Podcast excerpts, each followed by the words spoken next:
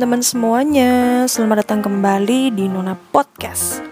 Yeay, setelah tiga bulan lamanya vakum, tidak upload apa pun di podcast Kangen juga untuk mengupdate uh, hal-hal baru lagi Atau ya bisa dibilang hal-hal yang gak baru juga Yang aku pengen share di podcast ini.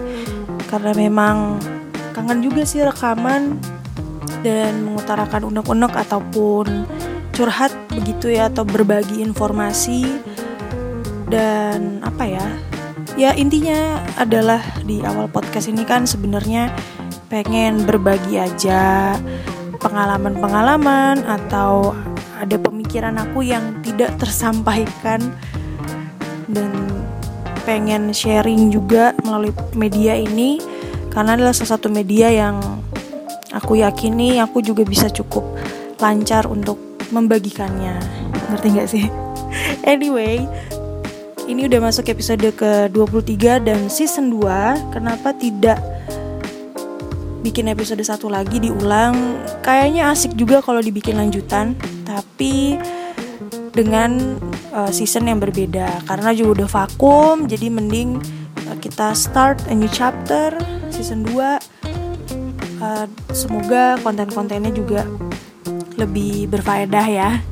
Dan juga memang ada rencana nih pengen undang-undang juga atau bisa berkomunikasi lewat online ngobrol bareng entah sama teman-teman aku juga atau mungkin uh, rekan rekan-rekan yang aku kenal juga memberikan perspektif baru yang bisa aku hadirkan di podcast ini gitu. Tapi semuanya masih tahap brainstorming masih mencari-cari komposisi yang pas. Oke, tanpa berlama-lama lagi, sebagai pembuka episode ke-23 season yang kedua, aku tuh pengen cerita tentang pandemi yang saat ini telah tengah terjadi. Mungkin udah banyak banget podcast yang ngebahas um, ya mungkin secara ilmiahnya ya gimana sih uh, COVID-19 ini mempengaruhi aspek kehidupan misalnya dari ekonomi, dunia kesehatan, pariwisata, UMKM, pokoknya udah banyak banget lah artikel-artikel atau publikasi yang menjelaskan uh, pengaruhnya. Bahkan secara ekonomi pun terlihat sangat menurun drastis. Jadi banyak banget movement yang muncul untuk galang donasi untuk ojol untuk pengusaha uh, food and beverage dan banyak banget juga menggalang dana untuk tenaga medis. Anyway, karena aku juga tidak capable untuk membahas itu karena sekali lagi aku takut salah dan informasinya tidak valid. Mungkin aku akan berbagi pengalaman aja sih sebagai uh, orang yang tinggal di zona merah. Kalian tahu sendiri yaitu Jakarta. Uh, mungkin dari dari sisi aku tuh apa yang aku rasakan sih karena mungkin ini tidak cuma aku aja yang mengalami tapi teman-teman yang mungkin masih bekerja atau yang masih harus keluar rumah tapi dalam hati tuh pengen banget cuman di rumah tidak apa namanya tidak beraktivitas demi kesehatan dan juga kita tidak menjadi carrier atau penyebar si penyebar virus ke orang-orang yang lain. Nah, kalau dari aku pribadi ya melihat banyak banget berita yang setiap hari update. Jujur aja uh, stres gitu melihat uh, kenaikan yang sangat signifikan dari awal Maret bahkan sampai ini udah tiba di akhir Maret. Jadi aku rekaman pas tanggal 30 ini juga nggak tahu akan diposting kapan. Ya semoga bisa segera langsung diedit. Tapi memang uh, apa ya memang secara psikologis berpengaruh karena jadi takut jadi parno jadi apa ya kalang kabut lah bingung harus ngapain. Karena dari awal-awal pun ya udah banyak banget orang yang udah uh, mau hoarding ya atau terlalu banyak stok bahan makanan sampai yang lain gak kebagian. Nah itu aku merasakan juga uh, hingga saat ini mau cari vitamin pun susah terus mau cari apa ya hand sanitizer bahkan masker yang paling penting itu pun juga nggak dapet di mana mana semua toko habis. Atau kalau itu pun ada dijual dengan harga mahal banget dan ya mikir dua kali juga. Masker cuman berapa lembar dengan dihargai sekian ratus ribu kayaknya mending enggak gitu. Tapi juga mikir uh, kalau nggak dibeli gimana? Pasti banyak pertimbangan-pertimbangan yang itu. Nah cara aku menangkalnya sebenarnya awal-awal memang sangat stres sangat ngikutin berita. Apalagi di Twitter tuh ramenya bukan main.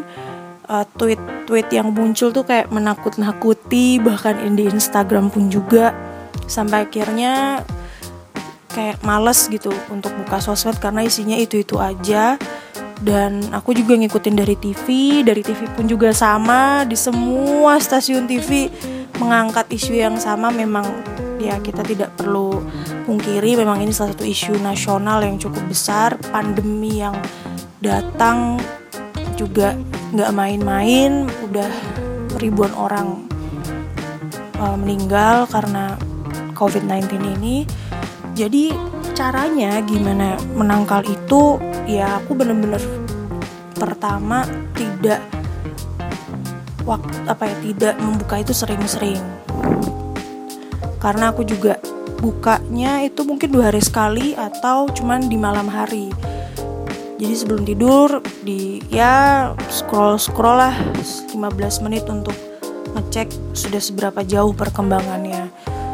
Nah dari yang aku lakukan memang efek juga sih. Jadi bukannya uh, aku cuek gitu kan Sampai dibilang juga sama orang tua nih Kayak cuek banget sih tenang-tenang aja bla bla bla bla. Ya karena memang nggak pengen tambah panik. Jadi memang kalau bisa dibilang takut ya takut. Apalagi kan uh, aku juga tidak stay bener-bener di rumah tidak di rumah aja karena masih harus ada kegiatan yang harus dikerjakan di luar rumah. Masih bolak-balik dan itu pun juga tidak naik transportasi umum harus naik motor setiap hari. Jadi ya bisa dibilang ya takut karena tidak standby dengan hashtag di rumah aja tuh udah nggak bisa. Jadi ya salah satunya adalah mengurangi intensitas kita melihat berita gitu. Jadi kita tetap update tapi tidak sering-sering. Jadi untuk saat ini pun aku juga bersyukur tidak termakan hoax karena memang ya balik lagi ke mindsetnya ya. Jangan sampai berita-berita di WhatsApp grup uh, ya terutama WhatsApp sih salah satu penyebar hoax yang nyebelin banget apalagi yang uh, boomer-boomer ya sorry to say tapi memang menyebalkan banget. Dan ya itulah. Jadi bagi kalian yang mungkin tipsnya bisa dicoba atau yang sudah menjalani mungkin sedikit mengurangi panik ya. Jadi kita boleh panik ya kita boleh panik tapi jangan berlebihan. Ingat karena segala sesuatu yang berlebihan itu tidak baik. Jadi yang kita bisa lakukan hanyalah tindakan preventif gitu. Terus apa lagi ya? Uh, selain mengurangi intensitas berita yang kedua juga menjaga diri sendiri sih. Terutama harus sering cuci tangan. Terus juga attitude kita batuk atau bersin pun juga dilihat dan kita juga harus tahu kondisi badan kita seperti apa. Apakah kita cukup fit untuk kita boleh keluar rumah gitu kan? Atau kita apakah makan kita nih kayak gimana tidur kita kayak gimana? Terutama itu yang harus diperhatikan. Jadi makanan cukup tidur cukup pikiran pun juga harus tetap waras. Nah itu dia karena mindset kembali lagi itu bisa berpengaruh banget gimana kita menerima informasi begitu deh. Terus apa lagi ya? Mungkin di corona ini pesan moral yang bisa aku dapatkan adalah pertama juga jauh lebih sabar ya karena nggak tahu sampai kapan ini berakhir. Jadi memang harus sabar-sabar juga. Ya siapa sih yang nggak pengen keadaan ini cepat berlalu bisa kembali lagi beraktivitas terus juga ya banyak banget eh, kegiatan-kegiatan yang tertunda karena adanya pandemi ini sampai waktu yang tidak ditentukan. Itu juga ya demi lah demi keselamatan semuanya kesehatan semuanya. Langkah yang di sambil juga pasti langkah yang terbaik lah untuk mengurangi penyebaran virus corona ini. Gitu. Terus juga sebagai warga Jakarta ya sebenarnya tidak bisa dibilang warga juga ya karena domisili. Ya tapi ya udah abaikan. Tapi pada intinya adalah memang di Jakarta ini perubahannya sangat sangat sangat signifikan. Yang biasa kita tahu Jakarta tuh macetnya ampun-ampunan sampai kayak kita udah emosi di jalan udah kayak aduh kapan sampai rumah? Gitu bisa bilang. Ini yang uh, bagi orang yang tidak terbiasa itu pasti akan merasakan aneh sangat sangat takut. Nah contohnya adalah uh, ada nih temen uh, di satu project juga dia memang uh, anaknya Jakarta banget dia anak Jaksel sejati dia lahir dan besar di Jakarta dengan segala pergaulan yang kejaksel jakselan shout out untuk Mbak Dewi. Halo Mbak Dewi. Uh, jadi sempat ngobrol-ngobrol uh, kami ngobrol gitu. Dia bilang kalau dia kalau mau pulang ke rumah dan situasi seperti ini dia justru takut. Mendadak sepi banget dan cuman lihat kendaraan satu dua bahkan busway pun juga lewat jarang-jarang. Dia takut karena saking gedenya jalan Jakarta ini kita konteksnya jalan yang gede tuh di protokol ya jalan protokol sepanjang uh, Sudirman Tamrin gitu-gitu. Dan biasanya jalan-jalan rame mendadak sepi dia takut. Karena takut uh, ada kriminal gitu ya. Jadi dia memang uh, bilang kalau ini aneh gitu.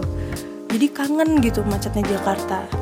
Lain dengan saya nah jadi uh, aku juga ngobrol kemarin sama Mbak Dewi juga mengutarakan bahwa karena aku yang anaknya sepi banget ya mungkin karena perbedaan uh, budaya jadi disclaimer aja nih karena memang uh, dulunya jadi berapa bulan lalu tuh aku anak Magelang banget. Jadi aku besar di Magelang. Dengan Magelang kan kota kecil. Nah, di Magelang itu memang notabene kalau habis maghrib pasti sepi gitu.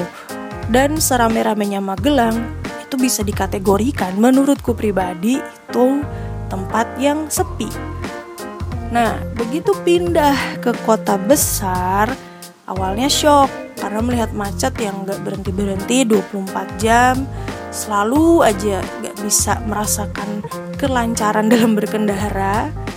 Nah, dihadapkan dengan situasi seperti ini, entah aku harus seneng atau juga agak heran, tapi bisa dia juga blessing in disguise.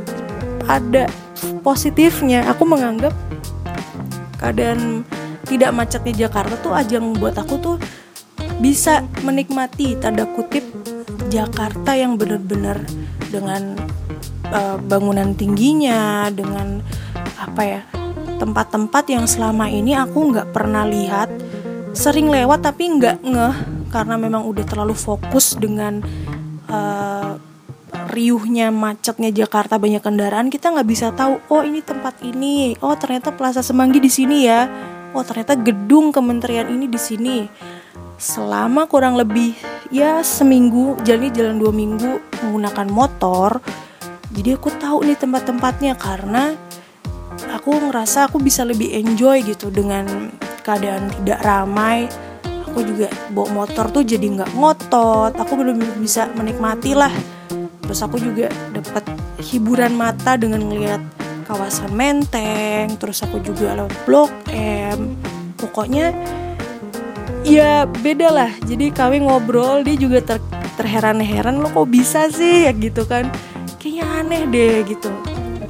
Tapi memang uh, entah ini aku merasakan sendiri atau enggak mungkin teman-teman yang bekerja atau kuliah di Jakarta boleh memberikan pendapatnya. Silahkan uh, berbagi ceritanya gitu ya. Tapi memang itu yang aku rasakan aku jadi jauh menikmati. Jadi bukannya aku apa ya bersenang-senang di atas uh, karantina apa ya bukan karantina sih di atas pandemi ini enggak. Tapi tapi setidaknya aku bisa merasakan uh, tidak selalu ditimpa dengan perasaan negatif terus. Jadi ada aja afirmasi positif yang aku rasakan. Jadi aku bisa tetap bertahan gitu. Bertahan dalam arti bertahan aku untuk survive di Jakarta ini. Semua pasti akan berlalu. Itu adalah satu media aku untuk tetap bersyukur. Aku bersyukur jalanan Jakarta lancar uh, Jakarta bisa beristirahat tanda kutip dari polusi terus juga dari banyaknya kendaraan. Yang aku ambil dari situ. Jadi bukan berarti uh, aku berharap udahlah seperti ini terus. Ya enggak. Karena aku juga aku juga tahu pasti banyak banget orang-orang yang kehilangan pekerjaannya karena pandemi ini. Banyak orang yang tidak bisa menghasilkan uang menghidupi keluarganya juga jadi nggak ada kesempatan ya itulah poinnya gitu. Dan aku pun juga uh, selain kami ngobrol soal perbedaan transportasi terus yang bisa aku sampaikan adalah uh, tetap menjaga kesehatan jangan sampai uh, bertambah semoga aja tidak bertambah lagi apa tidak bertambah secara masif ya angka-angkanya. Karena ya udah banyak banget orang yang kena ODP juga. Belum tentu ODP atau PDP itu juga positif kena bisa jadi uh, salah diagnosa atau memang false alarm gitu. Atau memang ya mungkin memang pas juga momennya kecapean atau seperti apa kita juga nggak tahu kondisi badan masing-masing orang kan beda-beda. Gitu. Dan ini adalah apalagi ya pengen dibahas ya? Oh ini nih momen orang-orang pulang kampung. Nah ini menarik nih sebenarnya. Jadi banyak udah dari pemerintah kabupaten kota yang udah terang-terangan bilang jangan pulang kampung. Jadi terutama ini dia.